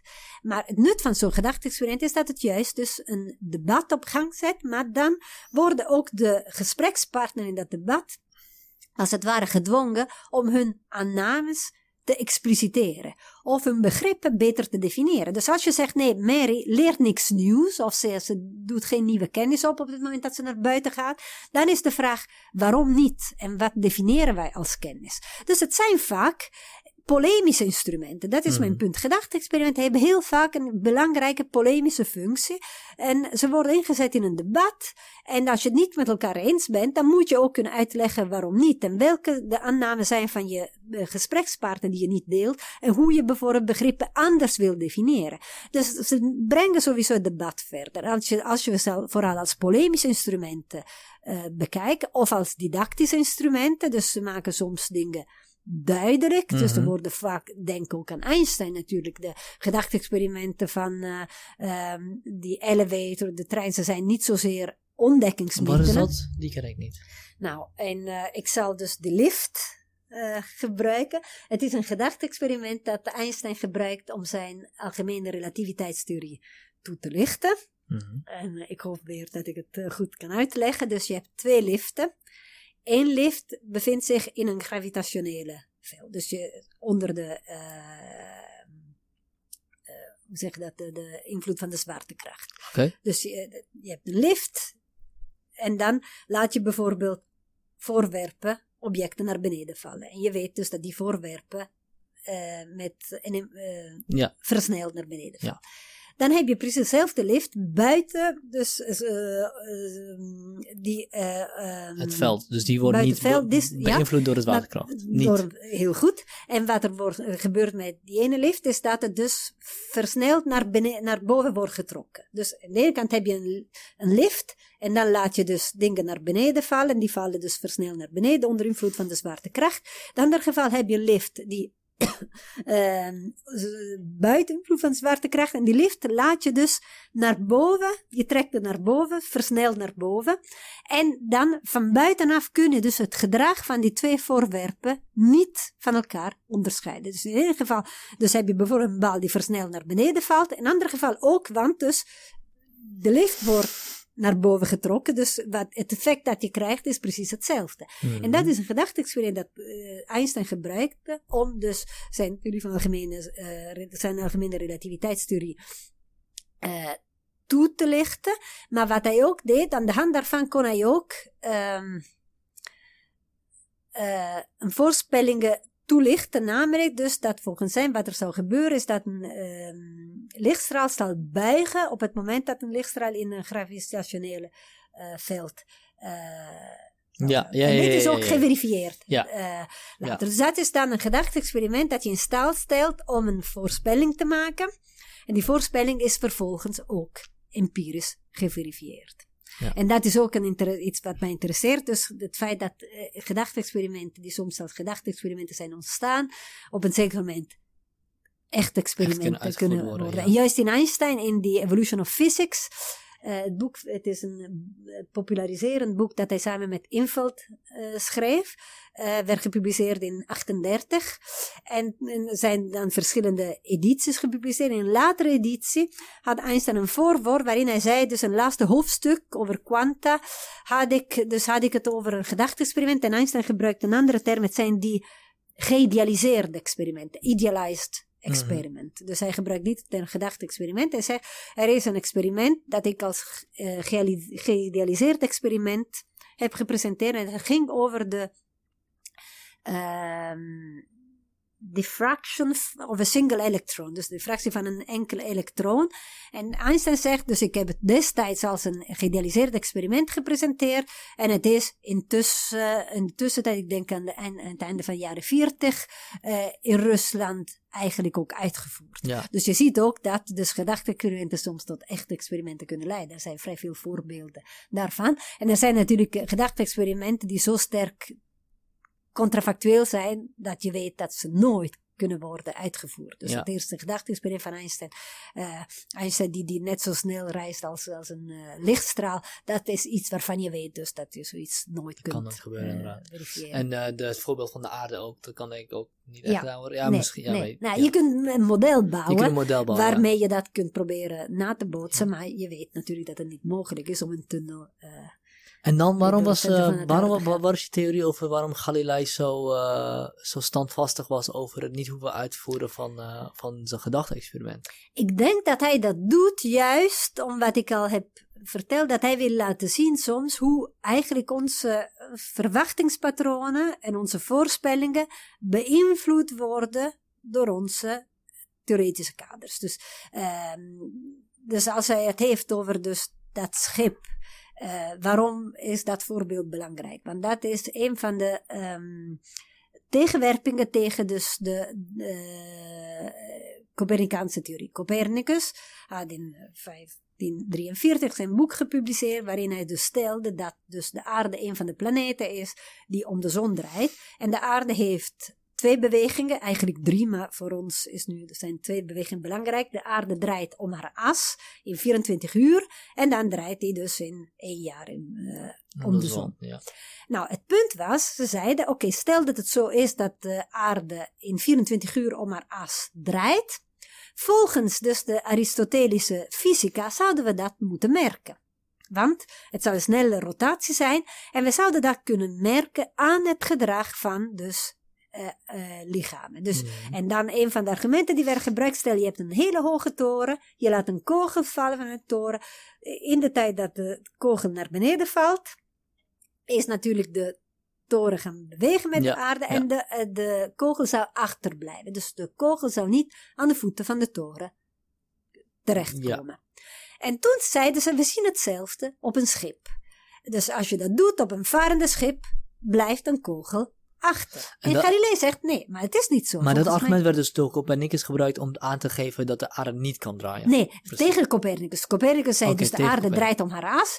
Copernicus ging dood enkele dagen na de publicatie van zijn boek. Dus heeft het hele debat niet meegemaakt. Maar later op het zekere moment is een debat op gang gezet. En dat was een van de vele argumenten tegen Copernicus. Dus het kan niet. De aarde kan niet om haar as draaien, want we zouden het zien. Dus als ik Mhm. dit doe, dan zou ik bijvoorbeeld, als ik het heel hoog zou gooien, die pijn niet Mee kunnen ja. want dus die zou achterblijven. En we weten het nu dat het niet zo is, wegens dus beginsel van traagheid. Oké, Mhm. dus de rotatie van de aarde dingen nemen deel aan die rotatie. Dus en ze blijven dus een, een vallend lichaam, valt niet alleen naar beneden, maar blijft in de tussentijd ook deelnemen aan de rotatie van de aarde. En dit is iets wat Galilei heeft ontdekt. Dus Galilei heeft begrepen dat zij de enige manier om Copernicus' theorie te verdedigen was om eigenlijk ook een nieuwe bewegingsleer te formuleren. Dus hij moest een nieuwe bewegingsleer formuleren die geldig zou zijn op een roterende aarde. Dus hij wilde laten zien dat het eigenlijk dus dat de rotatie van de aarde geen invloed heeft op het gedrag van lichamen die, die Ja. zich op aarde En, bevinden. en ik begrijp dat dat te maken heeft met het principe van traagheid. Maar eigenlijk eerlijk gezegd heb ik geen idee wat dat inhoudt. En waarom dat zo is. Nou, in de klassieke formulatie zegt het beginsel van traagheid dat het lichaam blijft Formulatie volharden. van Galileo. Galileo. In de, nee, dit is de formulatie van Newton. Dus Galilei heeft een protobeginsel van uh, traagheid. Uh, maar in de, formulatie, de formulering die op school uh, leert bij natuurkunde is het dus een lichaam blijft volharden in een toestand van rust of van eenparig uniforme beweging tot er een kracht van buitenaf erop inwerkt. Oké. Ik hoop dat dat de Ja. correcte Nederlandse Ja. formulering is. En, en de En, kracht waar, waar alle objecten onder staan is die draaiing van de aarde. En als Ja, je- dus dit is. Ja, dus dit is. eh, en, en de lichamen op aarde nemen deel, zegt Galilei, aan die beweging. Dus het is een, een beginsel. Het wordt ook. eh, eh, daarna verwezen het beginsel van Galilean relativity. Mhm. Dus feitelijk dus dat als een lichaam in een toestand, dus een toestand van rust of van eenparige uniforme beweging, ehm, dat je de twee niet van elkaar kan onderscheiden, want als het ware dus eh, voorwerpen op een schip of een eh, een systeem in rust gedragen zich precies dezelfde manier als eh, voor, dezelfde voorwerpen zich zouden gedragen als het systeem, het schip of een trein Ja. kunnen we zeggen, in een toestand van eenparig uniforme beweging is. Want ze blijven dus, ze doen mee als het ware met die eenparig uniforme beweging en ze kunnen tegelijkertijd ook andere beweging ondergaan. Dus volgens Aristoteles, de theorie van Aristoteles, kan een lichaam één beweging tegelijkertijd hebben. Oké, dus als ik een lichaam bijvoorbeeld, volgens hem, als je een, um, een bal gooit, dan wat je hebt, je hebt eerst wat hij een uh, violent motion noemt, een gedwongen beweging, gaat zo. En op het Ja. zekerheid houdt dat op en dan valt de steen zo naar beneden. Ja. Terwijl dus Galileo zegt, nee, dus de twee bewegingen ehm, combineren eh, en Ja. vormen een, een curve. Dus wat Galilei zei, dus de, de, de, de baan van projectielen is een parabolische baan. En een parabolische baan is het, resultaat van de combinatie van twee bewegingen. Een eenparig versnelde beweging, dus uh, geaccelereerde, ja, Mhm. natural acceleration, en dus een uniforme, rechtlijnige beweging. En eh, in dit specifieke voorbeeld, hè, wanneer gaat het verder dan speculatie en wordt een gedachte-experiment? Want als Galilei wilt bewijzen, of wilt, eh, ja, wilt bewijzen dat de theorie van Copernicus klopt, Ja. eh, dan kan hij in principe ook gewoon een concept bedenken of speculeren over een concept. Van, nou, dit moet kloppen, dus daarom neem ik aan dat er iets is zoals het principe van traagheid. Dus wanneer wordt het, wordt het meer dan speculatie en wordt het echt een gedachte-experiment? Uh, Zonder dat er empirische, empirische kennis bij ja, komt. kijk, dit in de voorbeelden die ik heb genoemd, dat zijn niet alleen gedachte-experimenten, want uh, Galilei verwijst ook naar uh, dingen die we makkelijk kunnen verifiëren. Mm. Dus het is daarom denk ik ook in dat onderscheid, er is een debat geweest tussen degene dus die Galilei als een experimentator wilde uh, zien, en de vader van experimental, van experimentele wetenschap, en degene die zeiden, nee, Galilei is een gedachte-experimenter. En juist Einstein, die het voorwoord heeft geschreven op de een Engelse vertaling van de dialoog van Galilei heeft gezegd dat is eigenlijk dus een, een, een, een misleidende uh, scheiding. Galilei was nog alleen een experimenter, nog een theoreticus, want de twee dingen gaan altijd samen. En dat, is, dat verklaart ook de grote fascinatie Einstein had voor Galilei. In The Evolution of Physics begint hij juist, en daar um, begint hij juist met een hoofdstuk dat gewijd is aan Galilei, een uh, Galilei's formulering van de wet van traagheid en de Galileaanse En daar uh, legt uit hoe belangrijk uh, Galilei's geïdealiseerde experimenten waren, maar juist in connectie met de echte experimenten. Dus wat je hebt, dus Galilei zegt op het moment dat je, dat is wat hij lijkt te zeggen, dat je een theorie ontwikkelt, dan heb je ook natuurlijk, ontwikkel je ook hm, verwachtingen over werkelijkheid. Dus je theorie als het ware bepaalt de manier waarop je dus de werkelijkheid ziet. Dus mhm. wat, eh, er is een, eh, een uitdrukking die door wetenschapsfilosofen wordt gebruikt, is te zeggen: de observation is theory laden, is theoretisch geladen. En dat is wat Galilei lijkt te suggereren. Dus hij zegt: kijk. Hij draait dat om, dus ten opzichte van wat je net zei. Hij zei, kijk, die uh, uh, Aristoteles die zich verzetten tegen Copernicus, ze redeneren vanuit dus een Aristotelische uh, theoretische kader. En ze zeggen, de aarde kan niet bewegen, want anders zouden we dat zien aan het gedrag van lichaam. En Galilei draait dat om en zegt, kijk, wat als de aarde daadwerkelijk roteert? Het feit dat we dat niet kunnen zien aan de manier waarop lichamen zich gedragen, is een teken dus dat als het zo is, dat de, de theorie van beweging van Aristoteles, dat de Aristotelische natuurfilosofie niet klopt. Hmm. Uh, en dan moeten we kijken of we dus niet een alternatieve eh, bewegingsleer kunnen formuleren die eigenlijk wel geldig zou zijn op een roterende aarde.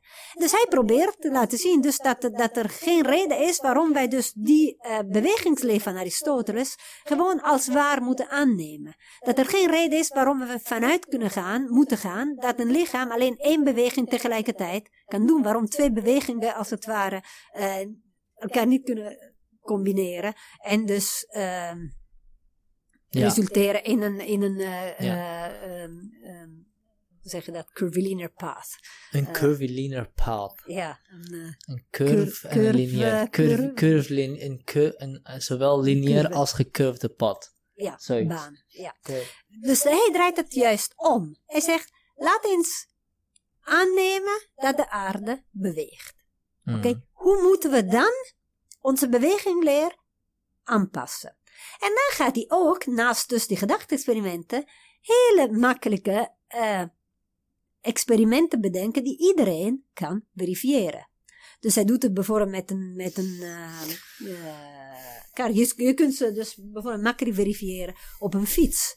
Dus je fietst en dan laat je dus een, uh, een bal vallen terwijl je fietst. Wat je ziet is dat de bal naar beneden komt en dan blijft rollen. Want die bal blijft volharden ook dus in die beweging, de fiets. En dat is dus traagheid. In een trein, dat zien we als een trein plotseling moet remmen. Wat, er, wat we zien is dat bijvoorbeeld koffers kunnen vallen zo. En dat is dus uh, een effect van, van beginsel van traagheid. Dus Galilei draait het om.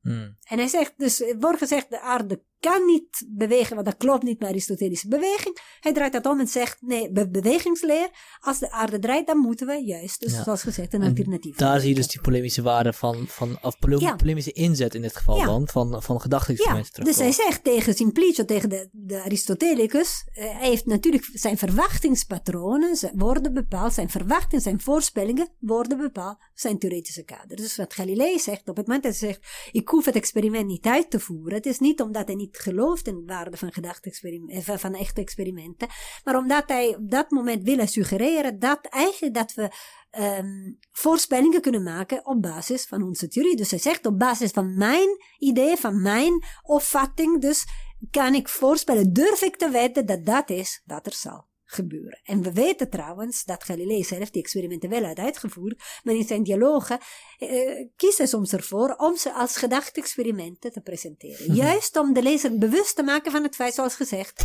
dus dat onze theoretische kader bepaalt de manier waarop we de werkelijkheid interpreteren, waarop wij fenomenen zien. Ja, interessant.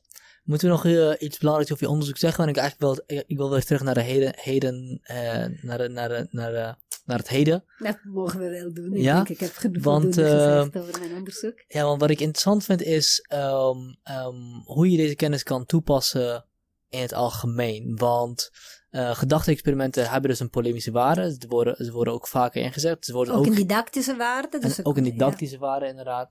En um, het kan soms lastig zijn om ook dan die centrale vraag achter een gedachte-experiment te achterhalen. Maar het kan ook lastig zijn om, om er doorheen te prikken. Om te kijken of een gedachte-experiment zoals die gepresenteerd wordt wel zinvol is. Want je kan dus ook een gedachte-experiment op zo'n manier inzetten dat je de intuïtie naar boven wil halen, dat jij wil dat naar boven gehaald wordt. Uh, dus dus hoe, zou, hoe kun je daarmee omgaan? Ik bedoel, um, um, bijvoorbeeld, bijvoorbeeld dus in het vraagstuk van een, via, van violist. Um, als je geen uh, geen, geen, niet de vaardigheden bezit of niet de kennis bezit om daar, een andere, om, om daar een metapositie in te kunnen innemen en te oordelen van klopt deze situatie mm -hmm. überhaupt wel, ja. ben je heel snel overgeleverd aan de grillen van wat de persoon wil dat je, dat ja. je, dat je, dat je wilt, dat je intueert, laat ik zo zeggen. Nee, dat is interessant. En, um, Daniel Dennett heeft, mm dus je, je zei nu, je hebt de uitdrukking intuïties opwekken gebruikt. Ja. Daniel Dennett heeft uh, de uitdrukking intuition pumps gebruikt. Dus ja. volgens hem zijn gedachte-experimenten intuition pumps. En aan het begin heeft hij dat. Uh, maar dat in zijn boek uh, Thinking Tools. Intuition pumps en other thinking tools. Ja, maar dit is maar dat. Ja, ik weet niet wanneer, het, uh, wanneer hij voor het eerst die uitdrukking heeft gebruikt. Maar aan het begin was het negatief bedoeld, had een negatieve connotatie. Dus wat hij leek te suggereren is dat gedachte-experimenten soms als het ware manipulatieve middelen zijn. Waarmee hmm. wij dus proberen de intuïties te manipuleren. En we willen als het ware mensen in een bepaalde denkrichting duwen. Oké, okay, dus net als dus het voorbeeld van um, Mary the Color Scientist. Iedereen zegt, nee, natuurlijk leert Mary iets nieuws als ze voor het eerst kleuren uh, ziet. Oké, okay, dus dat je, dat je probeert om eigenlijk als het ware de lezers aan je kant te trekken door dus Een antwoord als het ware te suggereren. En later heeft hij dat herzien. Dus hij, heeft, dus hij is de term blijven gebruiken. Maar hij zag juist dus dat, dat gedachte-experimenten ook als ze dus als intuition pumps werken, ook als ze bedoeld zijn om ons in een bepaalde richting te dwingen, dat ze toch een belangrijke functie kunnen hebben. Want zoals ik eerder heb gezegd, want ze stimuleren een discussie en ze dwingen de beide partijen een discussie om hun positie uh, uit te werken om hun begrippen beter te definiëren, te bakenen en dus duidelijk te maken waarom ze denken wat ze denken. Dus uiteindelijk was zijn conclusie dat ook intuition pumps een belangrijke functie hebben, want ze kunnen toch een filosofisch debat um, stimuleren. Ja, en um, ja, ding. en uh, als je gepresenteerd wordt met een, uh, met een gedachte-experiment ja. of iets wat leidt op een gedachte-experiment, hoe kun, je, hoe kun je daar op wat, op wat voor manier moet je, moet je ernaar kijken om daar die centrale vraag naar boven te halen? Want ja. um, ik merk soms ook dat dat niet altijd duidelijk is bij mensen. Uh, wat erachter ja. zit. Of dat, er, of dat daar zelfs uh, uh, um, mensen niet over eens kunnen zijn. Dus hoe kun je, hoe kun je naar zo'n gedachte-experiment kijken om, als je juist die centrale vraag eruit wil halen. Meestal is het wel mogelijk. En ik denk, kijk, uh, heden, uh, hedendaagse gedachte-experimenten, uh, zoals gezegd, zijn bedacht. kennishebbende van dus het debat. Ja. En dus het zijn allemaal auteurs die zich bewust zijn van het feit dat er zoiets bestaat als een gedachte-experiment. Dus heel vaak is eigenlijk dus het doel heel expliciet geformuleerd. Hmm. De Chinese Kamer van Searle, het ja. is dus een antwoord artificial uh, kunstmatige uh, intelligentie. En uh, dus dan, dan is het heel duidelijk. Dus het zijn mensen die zich willen positioneren in een debat. Um, Judith Thompson zegt dus, uh, wil een positie nemen in het debat uh, pro-life, pro-choice over abortus. En zegt, dus dit is dus een voorbeeld. En, um, en dan legt ze als het ware de burden of proof uh, bij de tegenstanders. Dus als je denkt dat dat niet klopt, je moet me uitleggen wat is er dus in mijn analogie ja. dat niet klopt. het punt is op het moment dat wij dus het begrip gedachte-experiment projecteren op het verleden Uh, dan beschouwen wij imaginaire scenario als gedachte-experiment. En daar is als het ware dus de vraag niet altijd even expliciet mm -hmm. aanwezig. Maar vaak kunnen het juist uit het debat uh, achterhalen wat, wat de centrale vraag is. Dus in het geval van het schip van Theseus, dan wat er gebeurt op een zeker moment, mensen die zich buigen, filosofen die zich buigen over de vraag wat is persoonlijke identiteit, gaan dat voorbeeld bespreken. Dus het is duidelijk wordt op een zeker moment een standaard um, voorbeeld in het debat over persoonlijke identiteit. Hmm. Uh, dus de vraag is vaak dus vrij makkelijk te achterhalen, maar dat betekent natuurlijk niet dat het gebruik van gedachte-experiment onproblematisch is. Er zijn ook filosofen die zich verzetten tegen het overmatig gebruik het over gebruik van gedachte-experimenten in de filosofie. Het wordt dus vooral, want ze worden vooral door analytische filosofie, de analytische filosofie gebruikt. Het uh, bekende voorbeeld van uh, Parfait teletransporter, dat is misschien een goed voorbeeld daarvan. Ja. Uh, hoe ging die nou ook weer? stel je voor dat, je, dat er een teletransporter gemaakt wordt. En wat dit ding doet, is niet jou transporte of transporteren naar een andere plek. Maar wat hij doet, is al, een kopie maken van al jouw atomen. Breekt die af en maakt een nieuwe weer op de nieuwe locatie. Ja. Maar wat gebeurt er nou op, een moment, op het moment dat de teletransporter niet goed werkt? Je oude kopie wordt niet vernietigd, maar er wordt wel een nieuwe kopie gemaakt. Wie is nou jouw echte persoon? Nou, om te beginnen zie je al de analogie met het voorbeeld van de twee schepen van Theseus die ik heb besproken in het begin. Dus het, is, het zijn allemaal variaties op een thema. Dus daar heb je ook dus of wordt uh, de shad hier vernietigd en er nieuwe shad daar gemaakt. Of blijven de beide, dan moeten we zeggen welke van de twee is Maar wat heel interessant is, het is interessant dat je juist dit voorbeeld noemt, want er is een zeker Kathleen Wilkes, uh, die uh, ooit, in de jaren tachtig denk ik, een boek heeft gepubliceerd, dat heette Real People, um, Personal Identity Without Thought Experiment. En wat ze doet, ze verzet zich tegen dus het gebruik van gedachte-experimenten in het debat over persoonlijke mm. identiteit. Als we kijken naar de geschiedenis van de filosofie, zien we, dus niet voor niks is het deze schip een van de eerste gedachte-experimenten. Het is dus gekoppeld aan het debat over persoonlijke identiteit. En ook in de kosmologie worden heel veel gedachte-experimenten gebruikt. Want het zijn natuurlijk um, twee um, thema's waarover het moeilijk is om echt experimenten uit te voeren. Dus er wordt heel veel gedachte-experimenten gebruikt. Als je kijkt naar gezien van debat over persoonlijke identiteit, je hebt in de vroegmoderne tijd, Locke bijvoorbeeld, die komt met een scenario, je hebt uh, een tweeling, uh, twee identieke lichamen, uh, maar wel twee verschillende lichamen.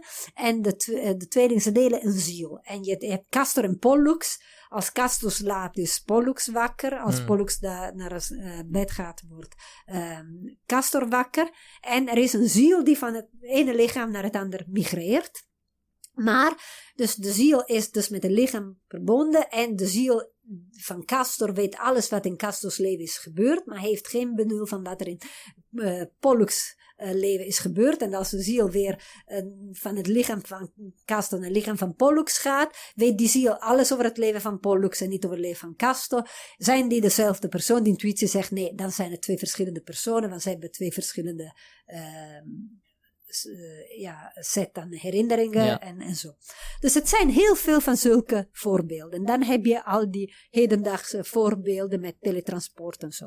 En Wilkes werd op een gegeven moment heel ongeduldig. En wat ze zei, en zij is een van degenen die zegt, kijk, eh, gedachte-experimenten in de natuurkunde werken beter dan in de filosofie, want natuurkundigen hebben vaak te maken met natural kinds en filosofen gebruiken gedachte-experimenten om begrippen als het ware te verhelderen die een beetje uh, waarvan de grenzen niet duidelijk mm. zijn. Maar wat ze ook zei, en dat is interessant, ze zei dat de scenario's die worden bedacht heel vaak zo ver gezocht zijn dat, we, uh, dat ze ons niks kunnen leren over de werkelijkheid. Want onze intuïties werken niet. Okay? Dus kijk, de hypothese dat er een ziel is die tussen twee lichamen migreert, is natuurlijk een uh, rare hypothese. Want wat als er natuurlijk geen immateriële ziel is die aan een lichaam gekoppeld is? Uh, en als je kijkt naar Locke, en dat is weer mijn onderzoek, wat ik zeg is dat, maar Locke gebruikt dat gedachte-experiment niet zomaar, maar als antwoord op Descartes. Dus wat hij zegt is, Descartes, jij vertelt mij dat wij als mensen bestaan uit een lichaam en een ziel. Dus ik bouw een gedachte-experiment gebaseerd op jouw aanname. Dus het was een gedachte-experiment dat bedoeld was als kritiek op het Cartesiaanse dualisme. Dus het is als het ware een goede gedachte-experiment, want het, het is bedoeld als kritiek op een theorie. Het wordt gebouwd op aannames van die theorieën. Oké?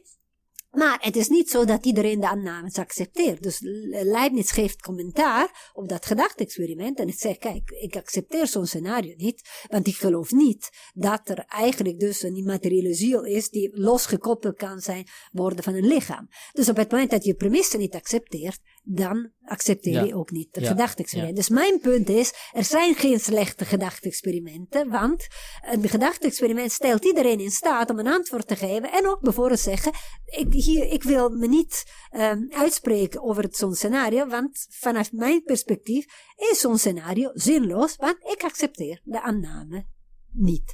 Maar wat Wilkins zegt op een moment is dat het eigenlijk um, het debat een beetje zo'n spoort. Dus die filosofen zijn gaan redeneren op basis van science fiction scenario, die zo ver van onze ervaring afstaan dat we op een moment dat we uh, niet kunnen vertrouwen op onze ervaring van deze wereld. En toevallig heb ik precies hetzelfde argument gevonden in Galilei, in een heel andere context.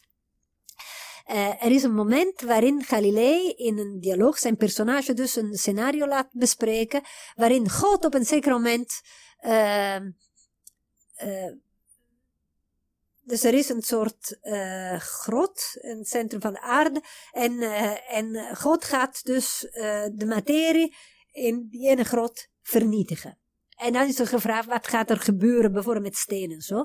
En dat zijn scenario's die heel vaak werden gebruikt door middeleeuwse filosofen. Wat als God bijvoorbeeld dus ruimte zou vernietigen en een vacuüm achterlaten. Mm. Zo. En het zijn gedachte-experimenten die gebruikt werden om het begrip, um, er werd in de middeleeuwse tijd een onderscheid gemaakt tussen uh, Gods absolute macht en God um, geordende macht. Mm -hmm. Dus geordende macht is de schepping, dus de, de orde van de schepping, dus de wereld zoals die door God geschapen is.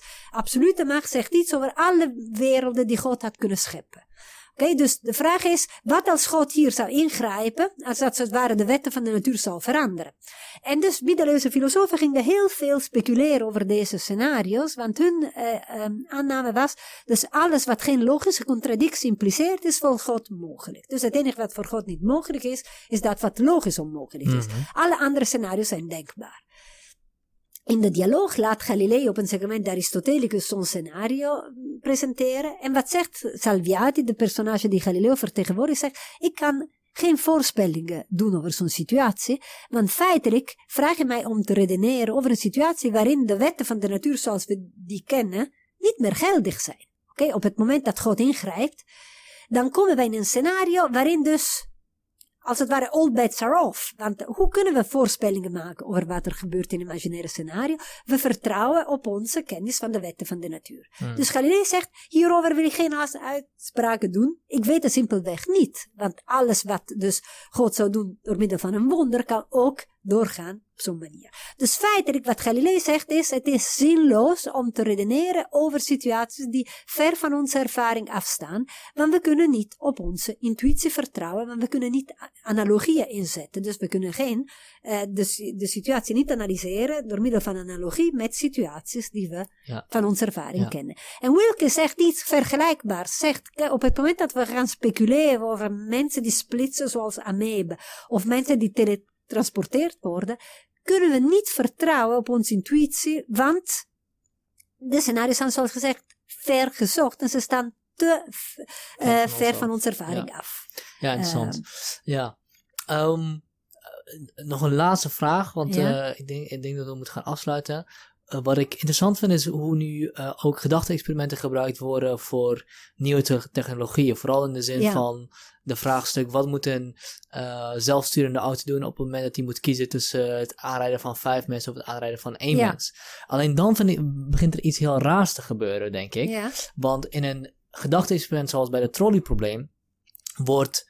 Uh, wordt wel een concrete situatie beschreven, maar het wordt expres en expliciet teruggebracht tot maar eigenlijk één vraagstuk, meer of minder Ja. eh, eh, levens. En eh, je hebt maar, ook maar twee keuzes, wel of niet handelen.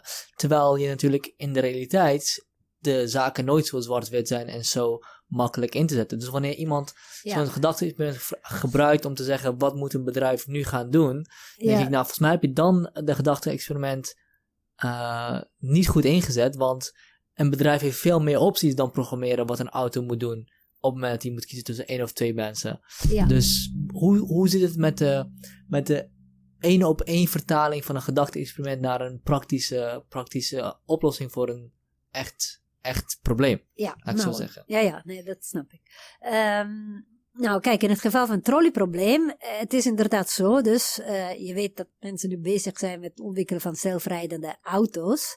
Ehm, kijk, als, als ik rijd, ik vind met het verkeer en zo, stel dat ik me in een situatie vind dat ik moet kiezen tussen twee kwaad en zo, dan is mijn reactie instinctief. Oké, dus ik weet niet, ik kan ook nu niet weten wat ik zou doen in zo'n situatie, dat ik zou moeten kiezen tussen eh, vijf mensen eh, overrijden of, of één, dan, dan eh, kies je dus instinctief. Op het moment dat je een auto, een zelfrijdende auto moet programmeren, dan zijn het dus de algoritmen die bepalen wat een auto gaat doen in zo'n situatie. En dan moet je inderdaad op basis van imaginaire scenario's gaan denken. En je moet dus die scenario's, die, wellicht, die misschien zich nooit zullen voordoen, allemaal programmeren. Dus dan, dan, en op dat moment dus wordt als het ware het gedachte-experiment echt. Dus je moet rekening houden met een situatie waarin dus een zelfrijdende auto een keuze moet maken tussen twee mogelijkheden, of drie mogelijkheden, of vier Mhm. mogelijkheden.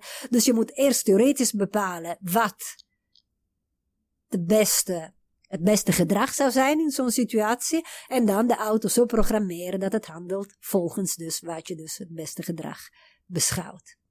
Eh, dus je hebt feitelijk, dus hier zie je dus hoe gedachte-experimenten feitelijk dus Overspoelen naar de realiteit. ja, overspoelen naar, Ja. De, naar de realiteit. Top. In het geval van een bedrijf, ik weet niet precies aan welk scenario je denkt, maar daar kun je, het zijn nog steeds wellicht scenario's waarin uiteindelijk dus mensen moeten handelen. Dus de twee ehm, voorbeelden zijn niet gelijk. Dus in één geval, je moet auto's programmeren. Je moet rekening houden met zoveel verschillende mogelijkheden. En dat is precies wat je dus met gedachte-experimenten doet. Je hebt een, een scenario en dan kun je dus eh, iedere keer dus één element veranderen. Dus zoals gezegd, dus vijf mensen versus één. Maar je had het zelf vijf volwassenen en één kind. Maar je kunt ook hebben vijf mensen en je beste vriend. Ja, ja. En iedere keer dus, en het punt is, dan vraag je je al wat zou je doen? En afhankelijk van de situatie veranderen je intuïties. Dus dat, dat trolleyprobleem werd uh, aanvankelijk dus uh, gebruikt meer op onze ethische intuïties te testen. En hier dus, het is niet zozeer